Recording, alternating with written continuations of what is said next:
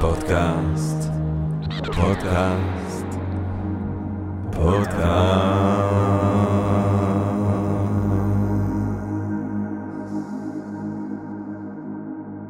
טוב, גבירותיי ורבותיי, ברוכות וברוכים הבאים לפודקאסט הספרים הגדולים של Think and Read Different והמרכז האקדמי שלם. אני ג'רמי פוגל ואנחנו רוצים להתחיל עם רגע של הודיה. אה, רגע של הודיה לעצם היש, לעצם המציאות הזאת שמאפשרת לנו למרות הכל, ובהינתן כל אלה להיפגש כאן למען הרחבת הדעת, העמקת הידע, גירוי ואולי סיפוק הסקחנות, אולי רעיון נשגב, מעורר השחרה ככה פתאום, ובעברית, וכולנו ביחד, כיף גדול. אה, הפודקאסט של הספרים הגדולים של המרכז האקדמי שלם, במרכז האקדמי שלם שמים דגש רב על ספרים גדולים, קוראים אותם מהעמוד הראשון ועד לעמוד האחרון, אה, לפי המסורת של ה-Liberal Arts או של המוסדות הגדולים של Liberal Arts בארצות הברית.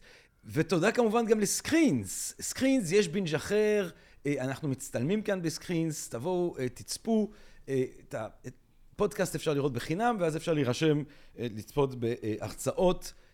ועולם שלם של תוכן מעניין, מעשיר ומגוון. טוב, גבירותיי ורבותיי, אז אנחנו עכשיו הולכים לצלול ללב ליבה של אחת מהמהפכות שכוננו את התקופה המודרנית במערב, המהפכה המדעית. מרבים לדבר על 1543, השנה שבה קופרניקוס מפרסם את על תנועתם של גורמי השמיים, המהפכה ההליוצנטרית, לא אנחנו במרכז, אלא אה, כדור השמש, המכה הראשונה בנרקסיסיזם האנושי, כמו שפרויד כינה אותה. אה, הדבר הזה הוא כמובן שערורייתי, הוא סותר את הפשט של המקחה. אה, שמש בגבעון דום וירח בעמק איילון בספר יהושע, אם השמש בגבעון דום, אז היא עולה ויורדת, ואנחנו סטטיים. המודל שמציע אותו קופרניקוס סותר את. הקריאה הפונדמנטליסטית, הפשטנית הזאת אה, של המקחה, אה, אבל זה רק תחילת הדרך. יבוא אה, גיבורנו, שאותו אני אוהב במיוחד, ג'ורדנו ברונו, מאוד אוהב את ג'ורדנו ברונו, שמת על קידוש המדע ב-1600 כדי לחשוב את היקום כאינסופי, שזה מהפכה מטורפת, תחשבו איזה השפעה יש לעבור מיקום סגור, מעולם סגור, ליקום אינסופי, כמו השם של ספרו היפה של אלכסנדר קוירה, ואנחנו מדברים היום על גיבור נוסף, אולי אם לא המשמעותי, בטח שבין המשמעותיים ביותר של המהפכה המדעית, גלילאו גלילי, והספר הגדול שאנחנו רוצים לחשוב עליו הוא ספר שהוא מוציא ב-1632, דיאלוג על שתי מערכות העולם המרכזית. הספר יראה לאור בקרוב בהוצאה לאור של שלם, בתרגום של אריאל רטהוס. כדי לדבר על דיאלוג על שתי מערכות העולם המרכזית של גלילאו גלילי ובאופן כללי על האיש המדהים הזה והתחומה המרהיבה שלו לתרבות המערבית ולאותה מהפכה מדעית שתשנה לחלוטין את האופן שבו אנשים יתפסו את העולם, את היקום, את עצמם. תכונן תקופה חדשה בהיסטוריה האנושית. אנחנו שמחים, נרגשים ומתגאים לארח כאן את פרופסור אה, ימימה בן מנחם. גבירותיי ורבותיי, אה, פרופסור ימימה בן מנחם אה, היא פרופסור אמריטוס לפילוסופיה באוניברסיטה העברית בירושלים, כלת פרס ישראל לחקר הפילוסופיה לשנת תש... פ"ב, מחצה בתוכנית הבינתחומית בפילוסופיה ובהגות יהודית במרכז האקדמי שלם. תחומי המחקר של פרופסור בן מנחם הם פילוסופיה של המדע, בעיקר פילוסופיה של הפיזיקה המודרנית, וכן פילוסופיה של ההיסטוריה והפרגמטיזם האמריקאי. כדי שנבין את המסלול המרהיב גם של אה, פרופסור בן מנחם, עשתה תואר ראשון בפיזיקה ומתמטיקה באוניברסיטה העברית, תואר שני בפילוסופיה של המדע, את הדוקטורט היא כתבה בפילוסופיה על פרדוקסים ואינטואיציות אה, תחת הילרי פוטנאם הגדול ומרק שטיינר אה, באוניברסיטה העברית. היא הייתה חוקרת אורחת בהרווארד, בסטנפורד, בסידני, מבין הישגים ופעילות אקדמית ענפה ומרתקת. בין הפרסומים שלה נציין את קונבנציונליזם שיצא לאור ב-2006 בהוצאת קיימברידג', את causation in science שיצא לאור ב-2018 בפרינסטון. אה, פרופסור ימימה בן מנחם, שלום רב. שלום, ירמי. בוא נתחיל. טוב, תודה על ההקדמה הנדיבה הזאת. לא, מה זה, זה, האמת היא פחות נדיבה ממה ש... מרוב הישגים ודברים אה, אה, מעניינים שעשית, ההקדמה, עם כל זה שהיא כאילו נדיבה, היא פחות נדיבה משהייתה יכולה להיות. טוב, אני קשקשתי את עצמי לדעת, בואו נחתוך ישר לווריד הצוואר. אה, מי הוא האיש הזה? מי הוא הברנש הזה, גלילאו אה, גלילי? אז גלילאו נחשב בעיני רבים אבי המדע המודרני. כמובן שאין אבא אחד למדע המודרני, אמ, אבל אתה הזכרת את קופרניקוס. אז באמת, קופרניקוס חולל את המהפכה שגלילאו בספר הזה רוצה לגבש אותה, להפיץ אותה ולתמוך בה, בספר הזה שלו, דיאלוג על שתי מערכות עולם. קופרניקוס יצר את המהפכה, אבל הספר של קופרניקוס ספר מאוד טכני. ולא הרבה אנשים קראו אותו. וכמו שאמרת, הוא יצא ב-1543. המשפט של גלילאו על הספר הזה ב-1632, כמעט מאה שנה עברו, עד שהספר הזה היה שיחת היום ברחובות. עד שהמהפכה הקופרניקאית הופכת להיות שיחה של הכובסות ומוכרי הדגים, כמו שברכט אומר במחזה שלו על גלילאו. ואני רוצה להגיד משהו על הדימוי הזה של אבי המדע המודרני, והזכרתי את ברכט, אז אני רוצה להתייחס רגע למחזה של ברכט, חיי גלילאו. כי ברכט, שהוא סוציאליסט, ומעניין אותו מאוד הנושא החברתי, והאם המדע מקדם את הנושא החברתי, והוא שותף למה שאני קוראת מיתוס הגאולה של המדע. Hmm. המדע מצעיד אותנו קדימה. והוא שם בפי גלילאו מילים כאלה שעוד מעט ידברו בכיכרות השוק על התגליות החדשות שלי, והמכונות החדשות יניעו את המנועים ואת הנולים, ובמספנות יהיה כך. ובקיצור, שיר הלל למדע שמקדם את הטכנולוגיה ומקדם את החברה. אז זה מיתוס הגאולה לגמרי לגמרי, או אתוס הגאולה. אבל בעוד אה, ברכט שוקד על טיוטות של המחזה הזה, נפל דבר. אוגוסט 1945 נופלת פצצת האטום הראשונה על הירושימה. Hmm. כבר אי אפשר להציג את אבי המדע המודרני באור שהוא כולו חיובי. וברכט מתחיל לנסות, הוא לא לגמרי הצליח, לקלקל בשבילנו קצת את הדמות של גלילאו במחזה שלו. ואז אנחנו מתחילים לראות איך מיתוס או אתוס החורבן מפעפע לתוך אתוס הגאולה. ואני חושבת ששני האתוסים האלה, האם אנחנו רואים באבי המדע המודרני דמות שהוא לגמרי חיובית, ובכלל במדע פעילות שהיא לגמרי חיובית, או שאנחנו שומעים גם את ההתנגדויות. והתנגדויות עולות ויורדות, יש תקופות שהנאורות יותר בשליטה, יש תקופות שהאנטי-נאורות, אם זה הרומנטיקה, אם זה הפוסט-מודרנה, אם זה התנגדות לחיסונים, מה שאתה רוצה. גם בנאורות אנחנו... אנחנו בתקופה שלנו כל כך ראינו את זה, נכון. ראינו איך... אבל גם, אני, אני חושב שלצורך העניין, גם הנראות עצמה זה מעניין לשמוע ריבוי של קולות סביב השאלה הזאת. אני חושב על 1750, אה, מסה על אה, האומנויות והמדעים של רוסו, למשל, שיבוא ויטען שההתקדמות אה, במדעים ובאומנויות חותרת מתחת לתוארה המוסרית האנושית. כן, אז גם בזמן הנאורות, או מיד כשהתחילו להבין את ההשלכות שלה, אז אתה מוצא את רוסו ומוצא את בלייק ומוצא את ויקו קצת יותר מאוחר. אנחנו מוצאים גם את ההתנגדות. לכן אני אומרת, זה לא שפתאום צמח אתוס עם עם פצצת האטום, אתוס מנוגד למדע. המדע פילס את דרכו מול המוסדות החברתיים, מול הכנסייה, מול אה, בורות סתם ודעות קדומות. אמ, ובסופו של דבר הוא הגיע די גבוה בהיררכיה, אם אנחנו מסתכלים על התרבות שלנו, אבל הוא כל הזמן נאבק גם בהתנגדות. וגלילאו מסמל את המאבק בין שני האתוסים האלה בצורה מאוד טובה. אז הוא לא רק אבי המדע המודרני, אבל הוא גם מסמל באישיות שלו את המאבק הזה של המדע אה, לשכנע את האנשים שהתבונה היא לא כל יכולה, אבל היא יכולה הרבה, והיא mm. בוודאי יותר טובה מן הבורות. והיא בוודאי יותר טובה מאשר דבקות עיוורת במסורת. אז הוא מסמל את המאבק הזה. ואם אנחנו חוזרים לספר הזה, למה גלילאו כותב את הספר הזה באיטלקית, לא בלטינית? הספר הזה נכתב בשפת הדיבור. ולא, ולא בשפה של המלומדים. ולא בשפה שהיא רק השפה של המלומדים. ו- ולמה? מכיוון שהוא באמת רצה להנגיש את הידע הזה.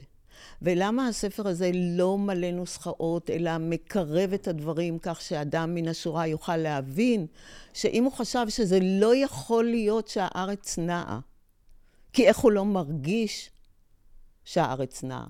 למה הוא יושב בכורסה והוא מרגיש מאוד יציב? אז הוא מנסה להסביר לאיש ברחוב שהטיעונים שלו לזה שלא יכול להיות שהארץ נעה, הם לא טיעונים כל כך טובים. אז הוא אומר לו למשל,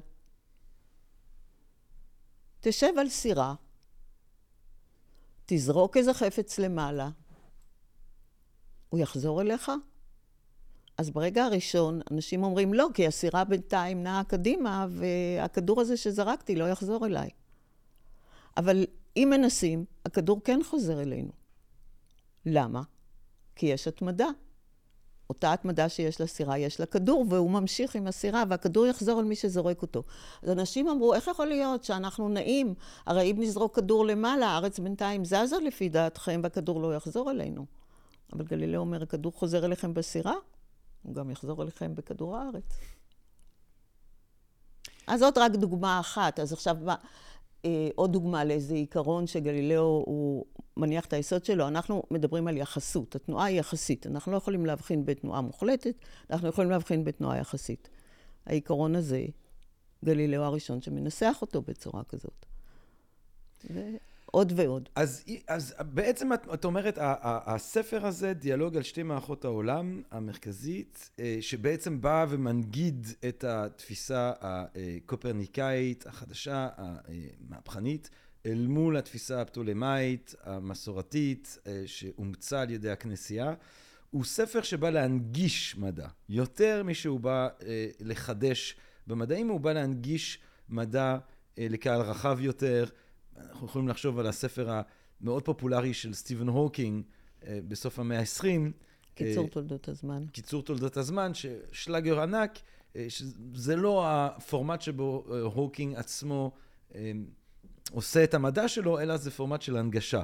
אבל אני רוצה, אם, אם אנחנו חושבים על, על גלילאו כאל אבא של המדע, זה לא, אני מניח שזה לא בגלל הפעולות האלה, זאת אומרת, זה לא בגלל פעולות ההנגשה, אלא בגלל המדע שהוא אה, עושה בפורומים אחרים.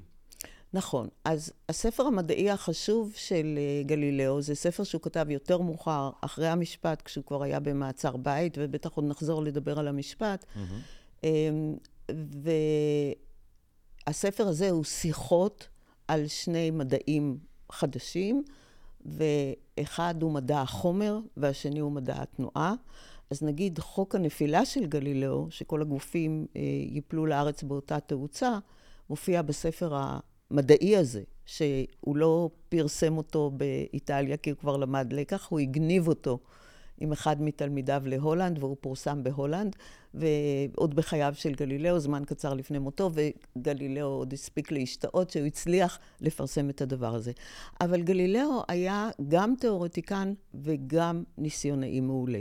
אז שוב, זה שילוב שאנחנו מוצאים אותו, למשל אצל ניוטון. הרבה נמצאים אסטרונומיים. מה? זאת אומרת, האסטרונומיה, גם שם יש לו הרבה חידושים. אז כן, אז קודם כל הוא תצפיתאי, כן. אבל הוא, הוא ניסיונאי מצד אחד, והוא תיאורטיקן מצד שני.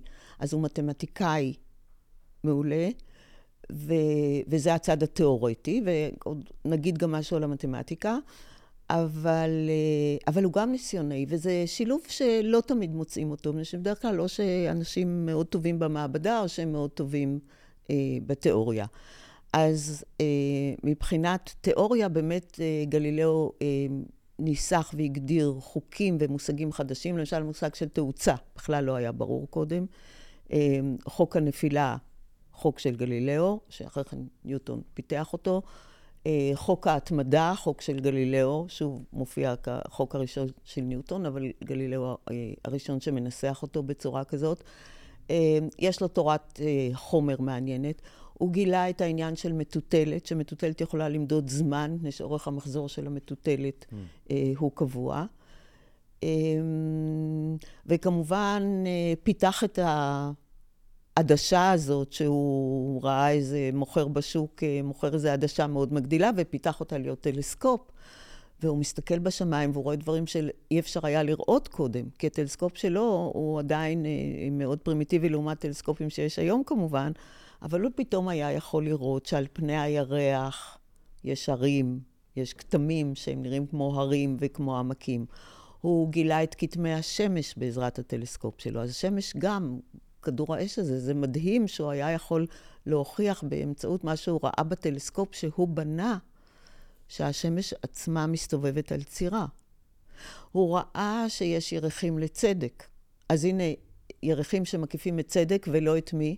לא את כדור הארץ. אז יש משהו במערכת השמש שלא מקיף את כדור הארץ. אז עוד הוכחה. הוא גילה שכוכב נוגה, כוכב נוגה וכוכב חמה יותר קרובים לשמש, לפי המודל הקופרניקאי, מאשר הארץ. כוכבים, כוכבי לכת שיותר קרובים לשמש, יש להם פאזות, כמו שיש לירח. והוא ניסה לבנות מודלים ממש מכניים שונים, שינסו להסביר למה יש פאזות לנוגה, למה הוא, יש לו מופעים שונים, חרמש, חצי מלא ומלא. והוא הגיע למסקנה שאי אפשר בשום אופן להסביר את המופעים האלה של נוגה, ששוב, הוא ראה אותם באמצעות הטלסקופ, אי אפשר להסביר אותם מנקודת המבט הגיאוצנטרית. רק מודל הליוצנטרי יכול להסביר אותם. Mm. ואז כל הדברים האלה ביחד, זה כבר זה uh, לא רע. עם עוד כמה תגליות מתמטיות. ו... ואני גם, אני חושב שגם הדגש שהוא שם על האוניברסליזם של חוקי הטבע, אה, יש לו השפעה גורפת מבחינה אינטלקטואלית אה, בפילוסופיה שתבוא אחריו. אה, השאיפה האוניברסליסטית המוסרית של הפילוסופים של הנאורות, בהרבה מובנים אני חושב יושב על הרעיון של טבע אדם אוניברסלי. זאת אומרת, ברגע שאנחנו מתחילים לחשוב על חוקי הטבע כחלים בכל מקום, בכל זמן, אז אנחנו מתחילים לחשוב באופן רחב יותר גם על עקרונות אוניברסליים, גם כשזה נוגע למוסר לצורך העניין. אמ, כן, אני חושבת שגלילאו מאוד האמין בתבונת האדם. Hmm. הוא אומר, אי אפשר לשים מחסומים לתבונה האנושית. אז זה דבר שמאוד משותף לו ולנאורות, הרעיון הזה של תבונה. אמ, האוניברסליות של המדע היא באה מן האוניברסליות של המתמטיקה. וזאת נקודה מאוד חשובה שאתה מעלה כאן, כי גלילאו מסתכל בעולם ואומר, אולי אפילו אפשר להקריא, למרות שאין לי את זה בעברית, אבל אני אתרגם ככה בצורה חופשית, בספר שהוא הוציא בשנת 1923, הוא אומר... 1623. אמ, הפילוסופיה, ופילוסופיה אנחנו צריכים להבין שהכוונה למדע הטבע, הפילוסופיה כתובה בספר נשגב זה. אני מתכוון ליקום, שפתוח כל הזמן למבטנו, היקום שפתוח כל הזמן למבטנו, אז הפילוסופיה כתובה בספר היקום, אבל אין להבין אותה, אלא אם כן אנחנו לומדים קודם את השפה שבה הספר הזה כתוב. והשפה הזאת היא שפת המתמטיקה. והאותיות שלה הם משולשים, מעגלים וצורות גיאומטריות אחרות. Hmm. אז הוא חושב יותר במונחים גיאומטריים מאשר במונחים אלגבריים, אבל הנה ספר הטבע, והוא כתוב בשפת המתמטיקה, וכל מי שלומד את השפה הזאת יכול לקרוא בו. ומכאן גם הביטחון העצום ביכולת של האדם להבין.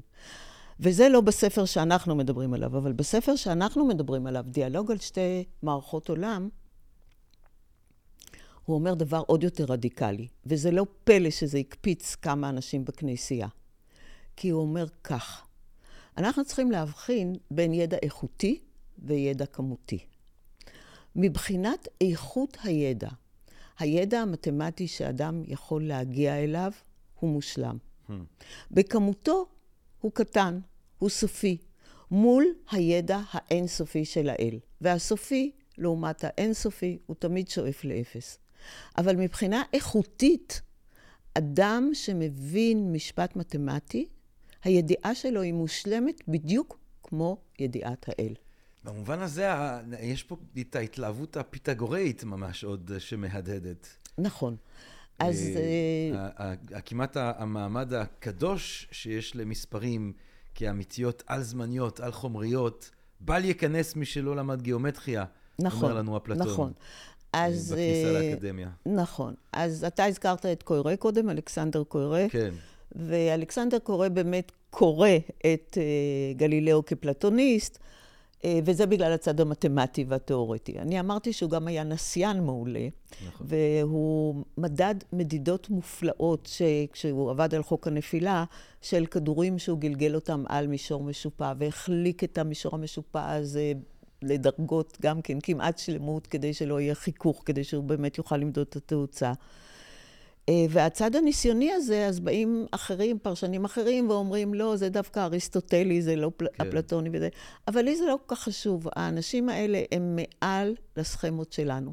אנחנו רוצים למסגר אותם. הוא היה פלטוניסט, הוא היה אריסטוטלי, הוא היה פה, הוא היה שם. לא. אני חושבת שזה אדם שבאמת היו לו שתי היכולות האלה, התיאורטית והניסיונית.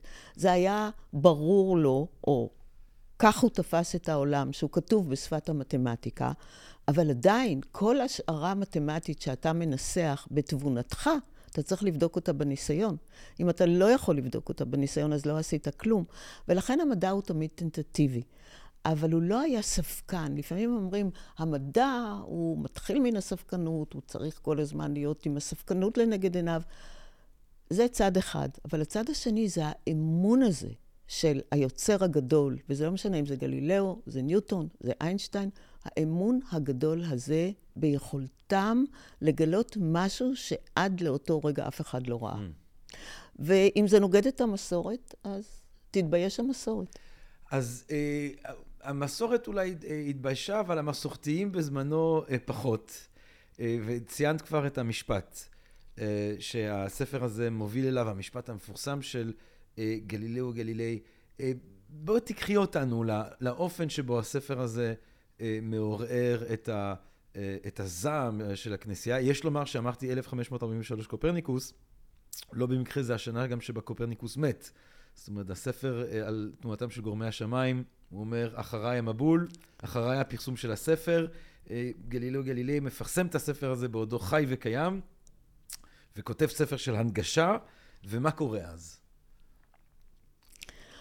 הספר של הנגשה נכתב בעצם כבר אחרי שהתעורר הוויכוח, ו- וזה מעניין. הוויכוח לא התעורר בעקבות הספר. אמ, אבל מה שכן מעניין זה שהרבה זמן לא התעורר ויכוח. ולא חשבו שתורת קופרניקוס, גם המלומדים שהכירו אותה, לא חשבו שהיא מערערת את עולמנו. אבל קורים כל מיני תהליכים בעולם, אמ, הכנסייה הקתולית נעשית יותר קשוחה, היא מתמודדת עם הצלחה הולכת וגוברת של הרפורמציה, והכנסייה הקתולית הולכת ומקשיחה את עמדותיה בכלל, לא רק לגבי שאלות מדעיות. עכשיו, גלילאו לא היה אדם תמים. למשל, שזה לא ישירות על המשפט, אבל למשל הוא עובר מוונציה לפירנצה, וכדי אה, לשכנע את הדוכסות של פירנצה, את הדוכס הגדול קוזימו, שכדאי לקחת את גלילאו בתור מדען החצר שלו, הוא קורא ללוויינים של צדק שהוא גילה אותם בשמות בניו של קוזימו הגדול. אז זה, זה לא בדיוק אדם תמים. אבל יכול להיות שהייתה בו איזושהי תמימות ביחס לכנסייה. וכשמתחילים איזה שהם רינונים, למשל, הייתה איזושהי שיחה בפירנצה של כומר בשם לוריני, שהוא מעלה איזשהו חשש שהתיאוריה החדשה הזאת, שגלילאו מחזיק בה, כי גלילאו לא פחד לתת נימוקים לטובת תורת קופרניקוס, הוא לא כתב תמיכה בתורת קופרניקוס, אבל הוא צבר נימוקים נגד המתנגדים ובעד התיאוריה. אז הלוריני, הכומר הזה, לוריני, הוא אומר באיזה שיחה, וגם כותב אחרי כן באיזה מכתב, האימפרניקוס הזה, או מה שלא יהיה שמו, זאת אומרת, אין, אין הידע אפילו להגיד את השם נכון, אז הוא אומר, האימפרניקוס הזה, או מה ששמו לא יהיה, הוא אומר כך וכך, וגלילאו פה, שהוא אורח שלכם בחצר פה, מגן על העמדות שלו, אז מה אתם אומרים על זה? וזה, אנחנו מדברים על 1613. ואימו של הדוכס הגדול שומעת על העניין הזה, והיא מזמינה את תלמידו של אה, גלילאו לשיחה על זה, והדברים מתגלגלים לידי כך שגלילאו מוצא לנכון להסביר את עמדתו במכתב מאוד ארוך לדוכסית הגדולה קריסטינה, שהיא אימו של שליט פירנצה וכל האזור. אה, אימו של קוזימו. והמכתב לדוכסית קריסטינה הוא מסמך פנטסטי mm. על יחסי דת ומדע. ואני תמיד חושבת שחבל שישעיהו לייבוביץ', שמאוד הערכתי אותו, אה, לא הכיר את המכתב הזה כנראה, מפני שהעמדות שגלילאו מעלה במכתב הזה, הם עמדות שלייבוביץ' החזיק בהן ודיבר עליהן. ומה גלילאו אומר? אנחנו אמרנו קודם שהוא אומר, ספר הטבע כתוב בשפת המתמטיקה. מה עם כתבי הקודש? אז אומר גלילאו במכתב שלו לקריסטינה, יש שני ספרים שמוסרים לנו את האמת. הספר האחד הוא ספר הטבע. הספר השני הוא כתבי הקודש. אז גם הרעיון הזה של ספר הטבע, המטאפורה הזאת של ספר הטבע שקוראים בו, זה הפך להיות שכיח אחרי כן בתקופת המהפכה המדעית. עכשיו, המטרה של שני הספרים האלה היא שונה. ספר הטבע הוא המציאות. כתבי הקודש יש להם מטרה חינוכית, מטרה מוסרית. הם צריכים לדבר אל בני אדם בלשונם. אם צריך להשתמש במטאפורות, אז כתבי הקודש משתמשים במטאפורות. אם לא צריך להיכנס לכל הפרטים על מבנה העולם, אז כתבי הקודש לא ייכנסו לפרטים על מבנה העולם. המטרות של הספרים האלה הן שונות. ולכן הם לא יכולים להתנגש זה עם זה. וזה ברור מתוך מה שהוא אומר, שהוא חושב שאם אתה רוצה לדעת את האמת על היקום, לאן אתה תלך? לספר הטבע. אתה לא תלמד את האמת על היקום מכתבי הקודש. כן. ואז הוא אומר שם משפט מדהים.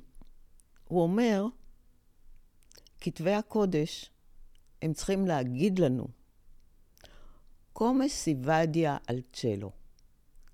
אינו come vadia il cielo. Hmm. כלומר, כתבי הקודש אומרים לנו איך ללכת לשמיים, איך לזכות בגאולה. הם לא אומרים לנו איך השמיים הולכים.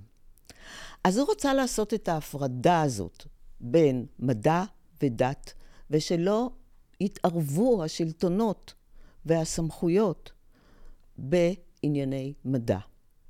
ובזה הוא רצה להגן על המדע מצד אחד, כמובן, מהתערבות השלטון, אבל הוא גם רצה להגן על הכנסייה, כי הוא חשב שהכנסייה לא צריכה להיכנס לפינה הזאת, כי הרי בסופו של דבר האמת המדעית תורד דרכה, והיא תוכח, והכנסייה תעמוד נכלמת בבושת פנים עם הטעויות שהיא דגלה בהן.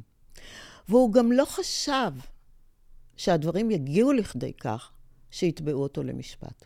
אבל, אבל זה, זה מה שמעניין אותי, כי, כי ציינתי גם במבוא את, את ג'ורדנו ברונו, אה, שנסחף אה, למוות ב-1600 אה, על התפיסה שלו שהעולם, כי חשוב לומר שאומנם במהפכה הקופרניקאית השמש הופך להיות מרכז מערכת השמש, אבל עדיין זה עולם מוגבל, עולם עם גבולות, ו... הגבולות האלה נפחצות על ידי ג'ורדנו ברונו, וזה עוד יותר שערורייתי בעיני הכנסייה, כי פתאום אנחנו צריכים לדמיין עוד מערכות שמש, ואם חשבנו על פגיעה בנרקסיסיזם האנושי, אז אה, מילא שאנחנו כבר לא במרכז, אבל למה שאלוהים כל כך יתעסק עם פלנטה אחת, כשיש כל כך הרבה פלנטות בכל כך הרבה שמשות וכולי? מבחינת ג'ורדנו ברונו זה דווקא מרהיב לחשוב יקום אינסופי וכולי. הוא נסחף, האיש הזה. אה, אה, גלילאו יודע שככה הכנסייה פועלת. איך הוא יכול לחשוב... שהם לא יתעסקו איתו. כן, אז ז'ורדנו ברונו זה באמת אה, תאונה מאוד מצערת של הכנסייה, והייתה אינקוויזיציה. וזה מעניין, כי האדם שהעלה את ז'ורדנו ברונו על המוקד זה הקרדינל בלרמין. Mm. קרדינל בל, בלרמין הוא ישועי, והוא משחק תפקיד מאוד חשוב בהשתלשלות האירועים של גלילאו, ותכף נגיע לזה, מה קרה שנתיים, שלוש אחרי ההלשנות האלה. ש... אמ, אז קרדינל בלרמין, 30 שנה אחרי שהוא העלה את ג'ורדנו ברונו על המוקד, ממש לא בא לו לעשות דבר כזה עוד פעם. הוא מאוד לא רוצה שיגזר עונש מוות על גלילאו. והוא פועל נגד זה כבר ב-1616, ואני אגיד על זה אה, תכף משהו. אבל צריך לזכור עוד דבר. שוב, אני חוזרת לספר של קופרניקוס, שאתה הזכרת אותו. הספר של קופרניקוס על, ה- על הסיבובים. קופרניקוס מקדים את הספר במכתב לאפיפיור. וברור מאוד מתוך המכתב של קופרניקוס לאפיפיור, שהוא חושב שהמערכת החדשה שלו היא תיאור אמיתי של המציאות. לא סתם תחשיב מתמטי. אבל הספר יצא, כמו שאמרת, אחרי מותו, הוא היה על ערש דווי, עם הקדמה של איש כמורה אחר בשם אוסיאנדר, הקדמה שאומרת האסטרונומיה מאז ומעולם איננה מתארת את המציאות ואת הסיבות האמיתיות של הדברים, אלא היא רק תחשיב מתמטי שמציל את התופעות. Hmm. אז זה כבר נותן לנו פתח להגיד, אה, ah, אלה משחקים מתמטיים, אל תיקחו את זה ברצינות כתיאור אמיתי של המציאות. אז הדרך של גלילאו הייתה להגיד, אני כן יכול לקרוא את המציאות אם אני קורא בספר הטבע. הדרך של הכנסייה הייתה להגיד, כל מה שהמדע עושה זה מכשיר, זה אינסטרומנט. השקפה הזאת נקראת השקפה אינסטרומנטליסטית. זה לא האמת. וזה מאפשר לכנסייה להגיד איפה נמצאת האמת. האמת נמצאת בכתבי הקודש, ומה שאתם עושים זה משחקים. יפה מאוד שאתה יודע לנבא ליקוי חמה, ושאתה יודע לעשות כל מיני דברים יפים עם האסטרונומיה שלך, אבל אל תשלה את עצמך שאתה מתאר את המציאות. מכיוון שנוצר כאן איזה מודוס ויוונדי, אז הם אמרו לגלילאו, אם אתה תציג את הדברים שלך רק כהשערות, ולא תגיד שזאת האמת לאמיתה, האמת האחרונה על המציאות. אם תציג את הדברים כהשערות, אנחנו יכולים לחיות עם זה. אוקיי, אני חוזרת להתגלגלות של הדברים. הלשנות. גלילאו בשלב מסוים נוסע לרומא, מתקבל שם יפה מאוד, מסביר את עמדתו, נראה שהכל בסדר, שההלשנות לא עשו שום עבודה. אבל בכל זאת, ב-1616 יש איזושהי תסיסה, וגלילאו מוזמן אה, לסוג של משפט. אה, האפיפיור, יש איזו ועדה של האינקוויזיציה, והם מחליטים, יש הוראה של האפיפיור להודיע לגלילאו שלא יציג את הדברים כמו שהוא מציג אותם, כאמת, ושיודיעו לו את הדבר הזה. אם הוא לא יתנגד, טוב. אם הוא כן יתנגד, אז תינתן הוראה חתומה, וזה כבר יהיה פסק דין של האינקוויזיציה, וזה יהיה יותר גרוע. מזמין אותו הביתה אליו, הקרדינל הזה בלרמין, שהעלה את ג'ורדנו ברונו על המוקד, ושהוא ישועי. עכשיו, חברתי הטובה רבקה פלדחה היא חוקרת של גלילאו, והיא מכירה גם חלק מאנשי הכנסייה, ואחד מהם אמר לה פעם, את יודעת מה ההבדל בין הישועים לדומיניקנים? הדומיניקנים הם פרנואים, והישועים הם סכיזופרנים. Mm. למה הישועים סכיזופרנים? הם רוצים את המדע החדש, אבל הם רוצים את הדת, ואז הם עושים את הפשרה הזאת. הדומיניקאים לא היו מוכנים לשום פשרה, הם היו רדופים ורודפים. ו... אז בבית של קרדינל בלרמין, בלרמין עומד על יד הדלת, מקבל את גלילאו בפתח, אומר לו כמה מילים, ונכנסים לישיבה הזאת. כנראה שמה שבלרמין אמר לו, אל תתנגד, כי אמרו, אם הוא יתנגד, הוא יקבל משפט.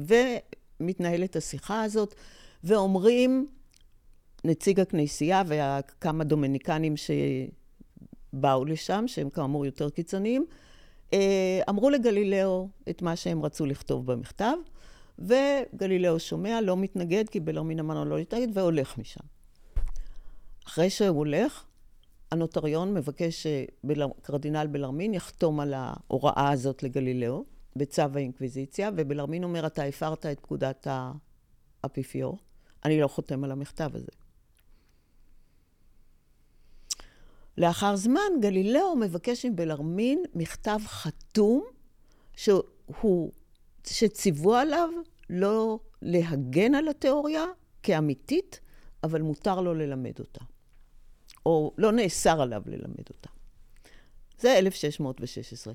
גלילאו חוזר לפירנצה, הוא שמח, הוא מרגיש שהוא יכול לכתוב את הספר, הוא כותב את הספר. בינתיים האפיפיור מתחלף, מתמנה לאפיפיור מישהו שהיה ידיד של גלילאו, והוא עכשיו הופך להיות האפיפיור אורבן השמיני. אורבן השמיני לא יודע שום דבר על מה שהיה ב-1616, על כל העסקה הזאת. כשזה נודע לו, הוא כנראה מאוד כועס. אה, גלילאו מוציא את הספר ב-1632. כועס שלא, שגלילאו לא סיפר לו על המפגש של 1616, אבל בכל אופן, מ-1616 ל-1032 עברו עוד פעם 16 שנה. כן. אמ, ומגיע המשפט. ומה קורה במשפט? במשפט אומרים לגלילאו, הרי אסרנו עליך ללמד. המשפט קורה אחרי הספר. כן. הספר יוצא ב-1632, המשפט ב-1633. ובמש... מהר, לא לקח הרבה זמן. לא לקח הרבה זמן, לא. ובמשפט אומרים לגלילאו, הרי אסרנו עליך ללמד, והנה אתה מלמד. איפה המסמך שאוסר? מציגים מסמך לא חתום, לא שווה שום דבר. גלילאו מצידו מספק את המסמך החתום על ידי קרדינל בלרמין, שהיה ישוי והעלה את ג'ורדנו ברונו על המוקד, ולא רצה עוד פעם שערורייה כזאת, ולא רצה להיכנס להיסטוריה בתור שורף המדענים. המכתב החתום של בלרמין לא אומר שאסור לו ללמד. רק אומר, אל תגן עליה, אל תציג אותה כאמת. אז גלילאו סמוך ובטוח שהוא יצא מהסיפור הזה בטוב. אבל לא כך קרה, ובכל אופן, פסק הדין היה מאסר, גלילאו היה שבור מפסק הדין הזה, הוא גם נאלץ לחזור בו, מכתיבים לו משהו שהוא צריך לחתום עליו, שהוא חוזר בו. ואז אה, יש את הספק סיפור אמיתי, ספק אה, אגדה, אולי אגדה אורבנית, אה, מלשון גם האפיפיור. אפויסי מובו, כן. ואף על פי כן נועה תנועה. נכון, אז אנחנו לא יודעים. מה האינטואיציה שלך? אני לא יודעת, אני חושבת שהוא בטח אמר את זה בליבו, אני לא יודעת אם הוא כן. אמר את זה בקול. לא, בליבו הוא זעק את זה, זה לא, בטוח. לא, אבל תראה, יש הסיפור הנהדר, הזכרתי את ברכט קודם, על חיי גלילאו, יש הסיפור הנהדר על מיסטר קולר או קוילר, שהוא עומד ונואם בציבור, ופתאום הוא רואה שהקהל מתחיל ככה לברוח מהאולם. הוא מסתכל אחורה, מי עומד מאחוריו? הכוח עומד מאחוריו. הכוח אומר לו, מה אתה אמרת, מיסטר קולר? הוא אומר, אני דיברתי בשבח הכוח. ויוצאים החוצה. והמלווים שלו והמעריצים שלו והתלמידים שלו אומרים לו, מיסטר קוילר, הר קוילר, מה עם חוט השדרה שלך? הוא אומר, חוט השדרה שלי לא נועד שישברו אותו, hmm. הוא צריך לשרוד את הכוח. ואני באמת חושבת, גלילאו הרי עשה את כל הדברים האמיצים האלה. הוא כתב את הדברים, הוא הפיץ את הדברים, הוא המשיך לעסוק במדע שלו. אבל אני חושבת שלעלות על המוקד זאת הייתה שטות עצומה. אילו היה עושה אותה, אה, ואת הספר החשוב שלו הוא כתב אחר כך. אחר כך. והוא הכניס את הוויכוח הזה להיסטוריה anyway, הוא לא היה צריך למות בשביל זה. כן, זה היה בזבוז עצום אם הוא היה מת. יש את ה... כי באמת, טוב, קודם כל ג'ורדנו ברונו יש לו איזה אופי כזה, הוא אחד שאוהב לריב וגם לא ירד. מריב, הוא יושב שמונה שנים אה, בכנסייה שרק מבקשים ממנו לחזור בו, והוא מסרב בעקשנות עד שהוא עולה למוקד.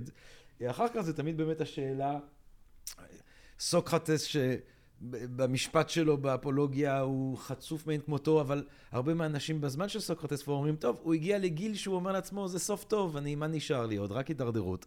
אני, I live with a bang, אל מול אריסטו, שברגע שאתונה מאיימת עליו, היא אומר, אני לא אתן לאתונאים לחטוא פעמיים נגד הפילוסופיה. אחר כך קאמי אומר, אה, אה, אה, אני חושב שבמיתוס של סיזיפוס, שברור שאתה לא מת על רעיונות.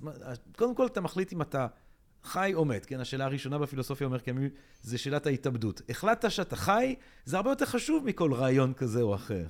אמ, ובמיוחד פה, אז, אז כמו שאת אומרת, אמנם יש משהו קצת רומנטי, אה, אה, קצת אובדני בהתנהלות של ג'ורדנו ברונו, אבל בסוף אה, גלילי, עם זה שהוא חי, ואומנם במעצר בית, הוא כותב שם את העבודות המשמעותיות שמקדמות את המדע, אז הוא אמר איזה משהו... כן, אה... גם צריך לזכור, הוא היה אדם זקן וחולה כבר כשהוא מגיע למשפט כן. הזה.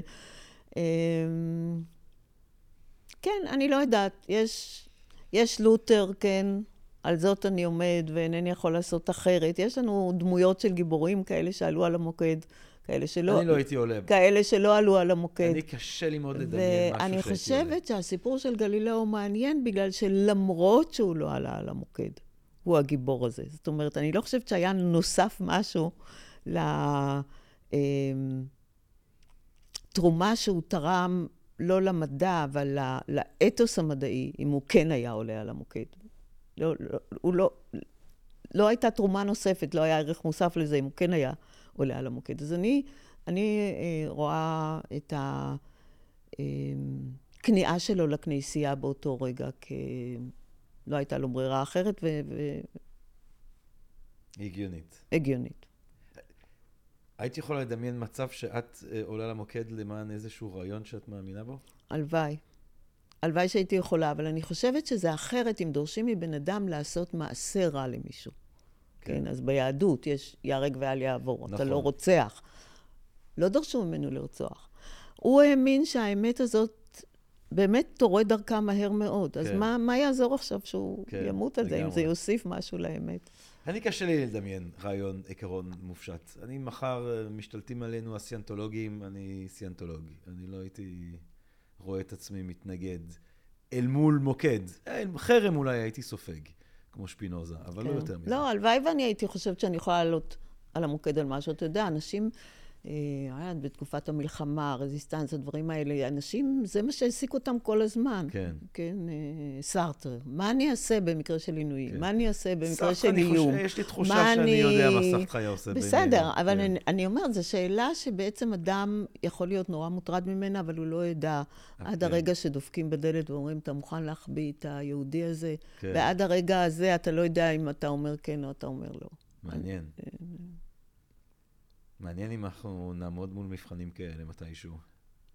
הלוואי שלא. הלוואי שלא.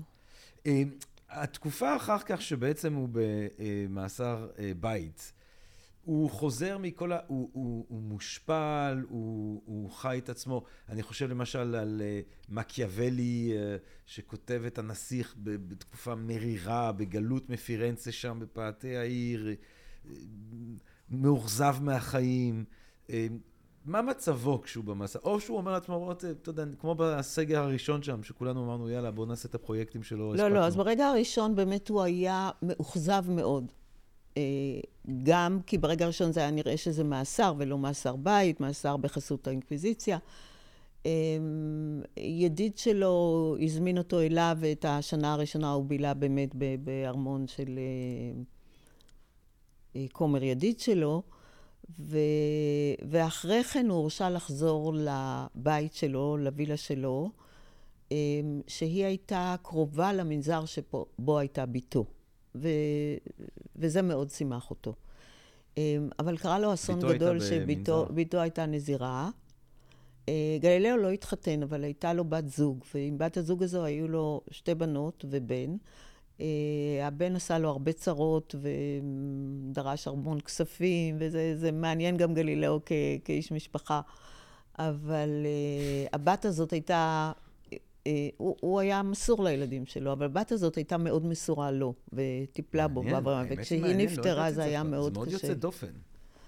בקרב הפילוסופים, המדענים, כן, עד למאה ה-20. כן, כל אחד שתסתכל עליו, כל אחד יש לו כל מיני סיפורים. אבל... Uh, אבל אה, אז, אז אה, יחס מאוד יפה.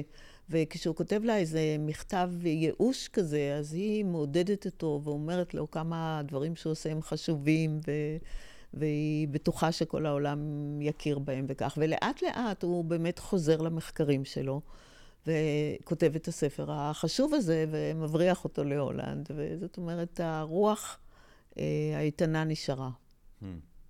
את חושבת שכשדיברת על המכתב הזה שהוא כותב לדוכסית, והוא אומר, יש את ספר הטבע ויש את ספרי הקודש, וזה בא ללמד אותנו את דרכי העולם, וזה בא ללמד אותנו דרכי המוסר, ויש פה הפרדת רשויות שכזו. את חושבת שיש אלמנט של מס שפתיים, או שגלילאו היה מאמין, אדוק, אמיתי, האמין באמת ה...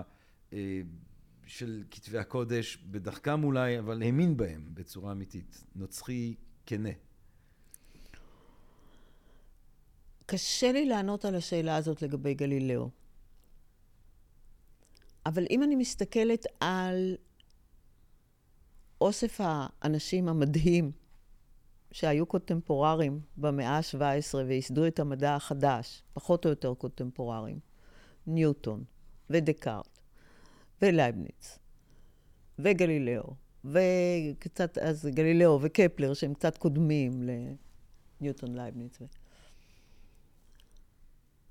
אז אני חושבת שכולם היו אנשים מאמינים, בדרך זו או אחרת, אבל האל שהם האמינו בו היה שונה. חוץ משפינוזה, שבאמת שם אני חושבת אלוהים או הטבע, זה, זה לא בדיוק אמונה דתית, אבל ניוטון היה הכי קרוב למה שאנחנו קוראים אדם דתי. כן. הוא היה, היה לו להט דתי, והוא האמין באל פרסונלי, כן. והוא כמעט חשב שהוא נביא האל עלי אדמות. לייבניץ זה אל יותר של תבונה.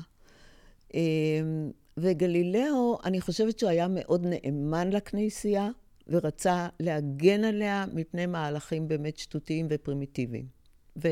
ונעלב בשמה שהיא באה אליו עם פסוקים. מה, הייתה מסורת פרשנית בכנסייה, כמו ביהדות, 70 פנים לתורה.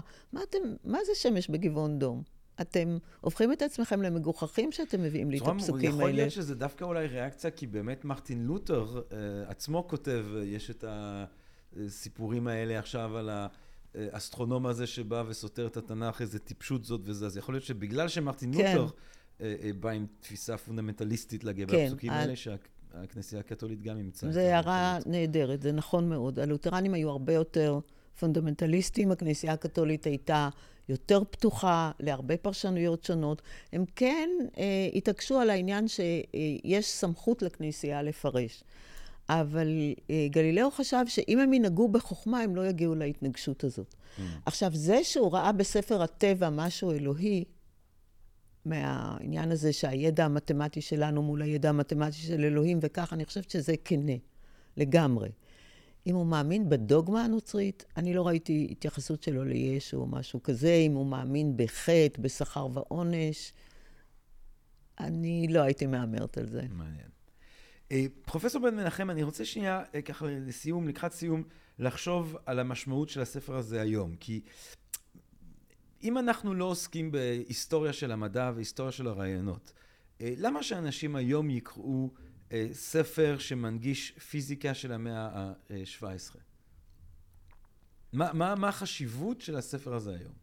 כן, אז קודם כל, אני חושבת שאם תשאל תלמידת תיכון ותלמיד תיכון ממוצעים היום, איך הם יודעים שהמערכת הקופרניקאית היא יותר טובה מהמערכת הפטולמאית?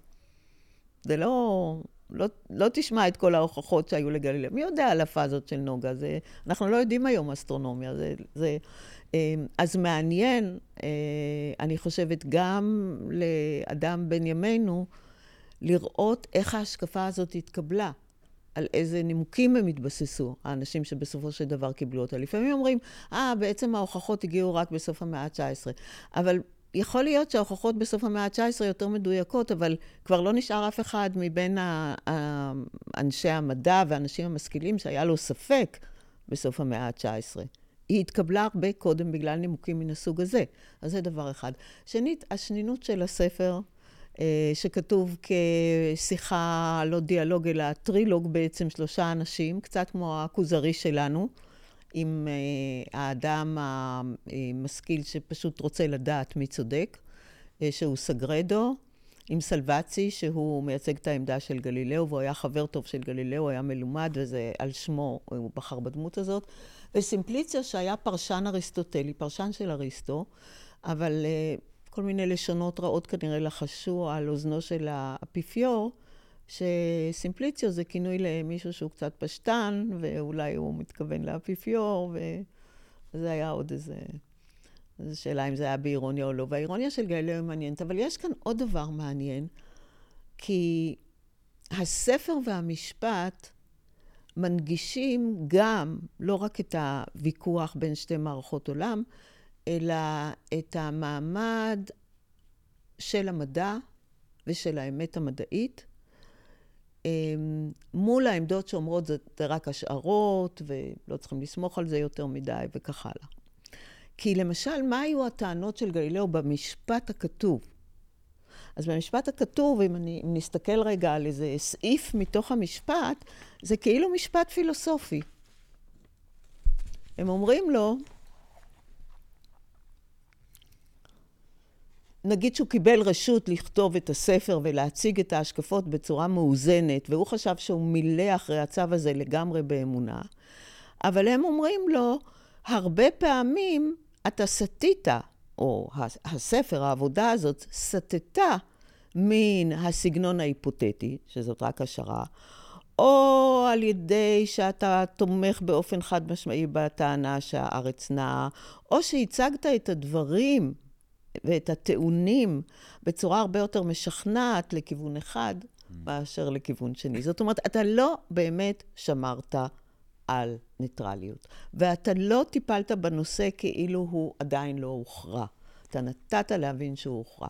אז האנשים שם הם לא היו אנשים פרימיטיביים, והם לא היו אנשים טיפשים, והם קראו את הספר, והם ראו שבאמת גלילאו נותן נימוקים מאוד טובים נגד ההשקפה האריסטוטלית הפטולמאית, ומשכנע אותנו שהאריסטוטלי טועה. Hmm. גם אם הוא לא אומר במפורש, הקופרניקאי צודק, אבל הוא נותן טיעונים טובים נגד האריסטוטלי. ואז אה, הוויכוח הזה, למשל לגבי תורת הקוונטים, אתה הזכרת בשיחה קודם את תורת הקוונטים. אז הרבה אנשים מבינים את תורת הקוונטים כתורה שהיא לא מתארת את המציאות.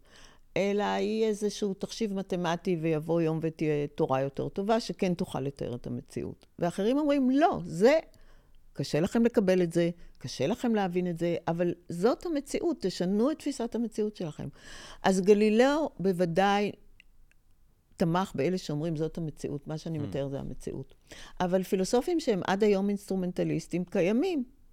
ולכן המשפט הזה, אין הרבה משפטים שהם משפטים על דרך פילוסופית להבנת המדע. Mm-hmm. אז אני חושבת שגם במובן הזה הספר הוא מאוד מעניין.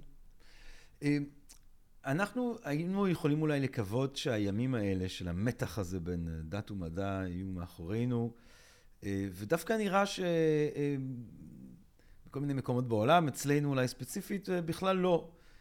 שלמשל תורת האבולוציה, שבקושי מלמדים אותה אם בכלל בתיכון. מלמדים, לא מלמדים. אני, אני לא יודע. אני הדרכתי עבודה בבית ספר תיכון דתי בירושלים, בית ספר חורב בירושלים.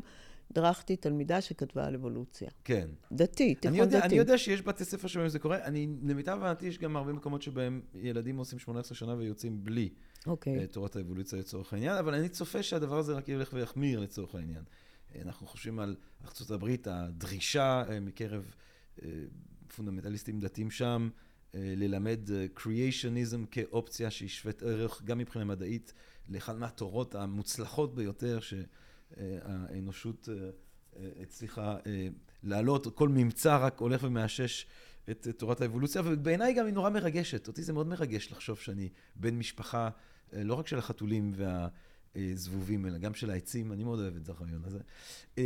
האם את חושבת אבל שהסיטואציה הזאת של גלילאו במשפט, האיש המדע שנאבק על האמת המדעית אל מול גורמים דתיים, זה משהו שהוא גם ברמה הסמלית חשוב מאוד בתקופה שלנו אה, לחשוב עליו, אה, להלל אותו באיזושהי צורה, לעמוד על המשמעות שלו?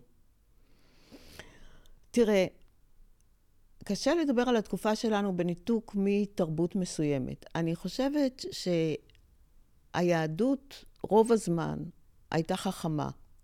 ולא נכנסה לסוג הוויכוחים שהכנסייה נכנסה מול גלילאו. אולי בגלל שלא היו לנו הרבה מדענים, וזה לא היה כל כך בנפשנו. גם לא היה לנו הרבה סמכות. כן, אז היו אפיזודות, היו אפיזודות מול הרמב"ם, כן? אז הרמב"ם, שהוא כל כך מעריך את הידע המדעי כמנוף לידע דתי, שגם זה מדענים במאה ה-17 ראו בידע המדעי גם מנוף להכרת האל ולגדולת העולם. אז היהדות פה ושם נכנסה לפינות האלה, אבל רוב הזמן לא, והדגש שלה זה לא על הדוגמה, והנצרות, בוודאי אם היא נכנסת שוב אה, זרמים פונדמנטליסטיים יותר, אה, מאשר הכנסייה הקתולית המרכזית, אז יותר נטטה להיכנס למקומות האלה. אז לכן אני חושבת ש... אה, אני לא ראיתי בארץ שהסיפור של אבולוציה היה סיפור מאוד חם באיזושהי תקופה, לא בשנים שלימדתי באוניברסיטה ולא מתוך הקשר שלי עם... שהילדים שלי למדו בתיכון, או... לא, לא ראיתי את זה. תראה, יכול להיות שגם בארץ אנחנו נגיע לתקופה שמשרד החינוך יהיה יותר פונדמנטליסטי, ובמקרה הזה אני מאוד אצטער, ואני חושבת, היה גם פעם שהמדען הראשי אמר משהו, ועשינו איזו מחאה באוניברסיטה. בגדול, אני לא חושבת שיש סכנה מאוד גדולה בארץ, אבל לא תמיד העניין של סמכות הוא המדע מול הדת. העניין של כמה בן אדם צריך להילחם על עקרונות מול הסמכויות. זה משהו שיכול להתגלגל לפתחנו בכל מיני הקשרים. הסמכות יכולה להיות דורסנית משיקולים דתיים, הסמכות יכולה להיות דורסנית משיקולים סתם של כוח, והדורסנות אפילו יכולה לבוא לפעמים מכיוון המדע, כשמי שיתנגד, אתה תגיד, אה, תפעיל סנקציות נגד מי שמתנגד. במקרה של החיסונים, מי טען למען החופש וזה? דווקא המתנגדים למדע. אני חשבתי שהם טועים, אבל הם באו בשם העניין של חופש וזכותם על גופם וזכותם לערער על מה שהמדע אומר וכך. אז אה, תראה, זה, זה פרויקט של החיים, שבן אדם יגיד, אני בשביל ערכים מסוימים מוכן להילחם, רוצה להילחם. אני שואל את עצמי, עד כמה אני אהיה מוכן להקריב בשביל זה? זה, זה בעיניי זאת אה, שאלה נורא מרכזית. נורא מטרידה אותי, תמיד. אבל לא צריכים, אה, כשאני שואלת את עצמי את השאלה הזאת, אני לא שואלת אותה בהקשר של קונפליקט דת ומדע, כי זה לא קונפליקט שנורא חי בעיניי בשבילי. אבל אני, אני כן חושבת על סיטואציות שבהן אנשים היו צריכים לעשות בחירות מאוד קשות מול סמכות, ובחירות נוראיות. פרופסור ימימה בן מנחם, תודה רבה רבה לך. היה uh, מרתק, ואני חושב שממש uh, הצלחת כאילו גם להחיות לנו, לתת לנו תמונה ככה חיה, חיונית, תוססת, של החשיבות של uh, גלילאו גלילי, uh, של המשמעות של הספר, וגם באמת של האופן שבו אנחנו יכולים לחשוב על הדמות הזאת ועל ה... על, ה, על המאבק הזה שלו בהקשרים שלנו, בחיים שלנו. אני ממש רוצה להודות לך שבאת אלינו. אה, כאן לפודקאסט של הספרים הגדולים, אה, של Think and Read Different ומרכז האקדמי שלם בסקרינס, אה, ואני רוצה להודות לכם, לקהל הקדוש שלנו, מקווה מאוד שנהייתם מהפרק הזה, מהפחקים שבעזרת השם נמשיך ונקליט, ומה אני אגיד לכם בינתיים? רק בריאות, רק אהבה רבה, ורק יכולת לעמוד עד לגבול של חיים. אני מאוד mm. מסכים עם קאמי, קודם כל לשרוד, אבל אז... בהקשר של מה שאפשר לעשות בלי שאנחנו מאבדים את הראש או עולים בלהבות, לעשות את מה שאפשר. אה, תודה רבה לכם, אה, אהבה רבה, ונשתמע. פודקאסט, פודקאסט, פודקאסט.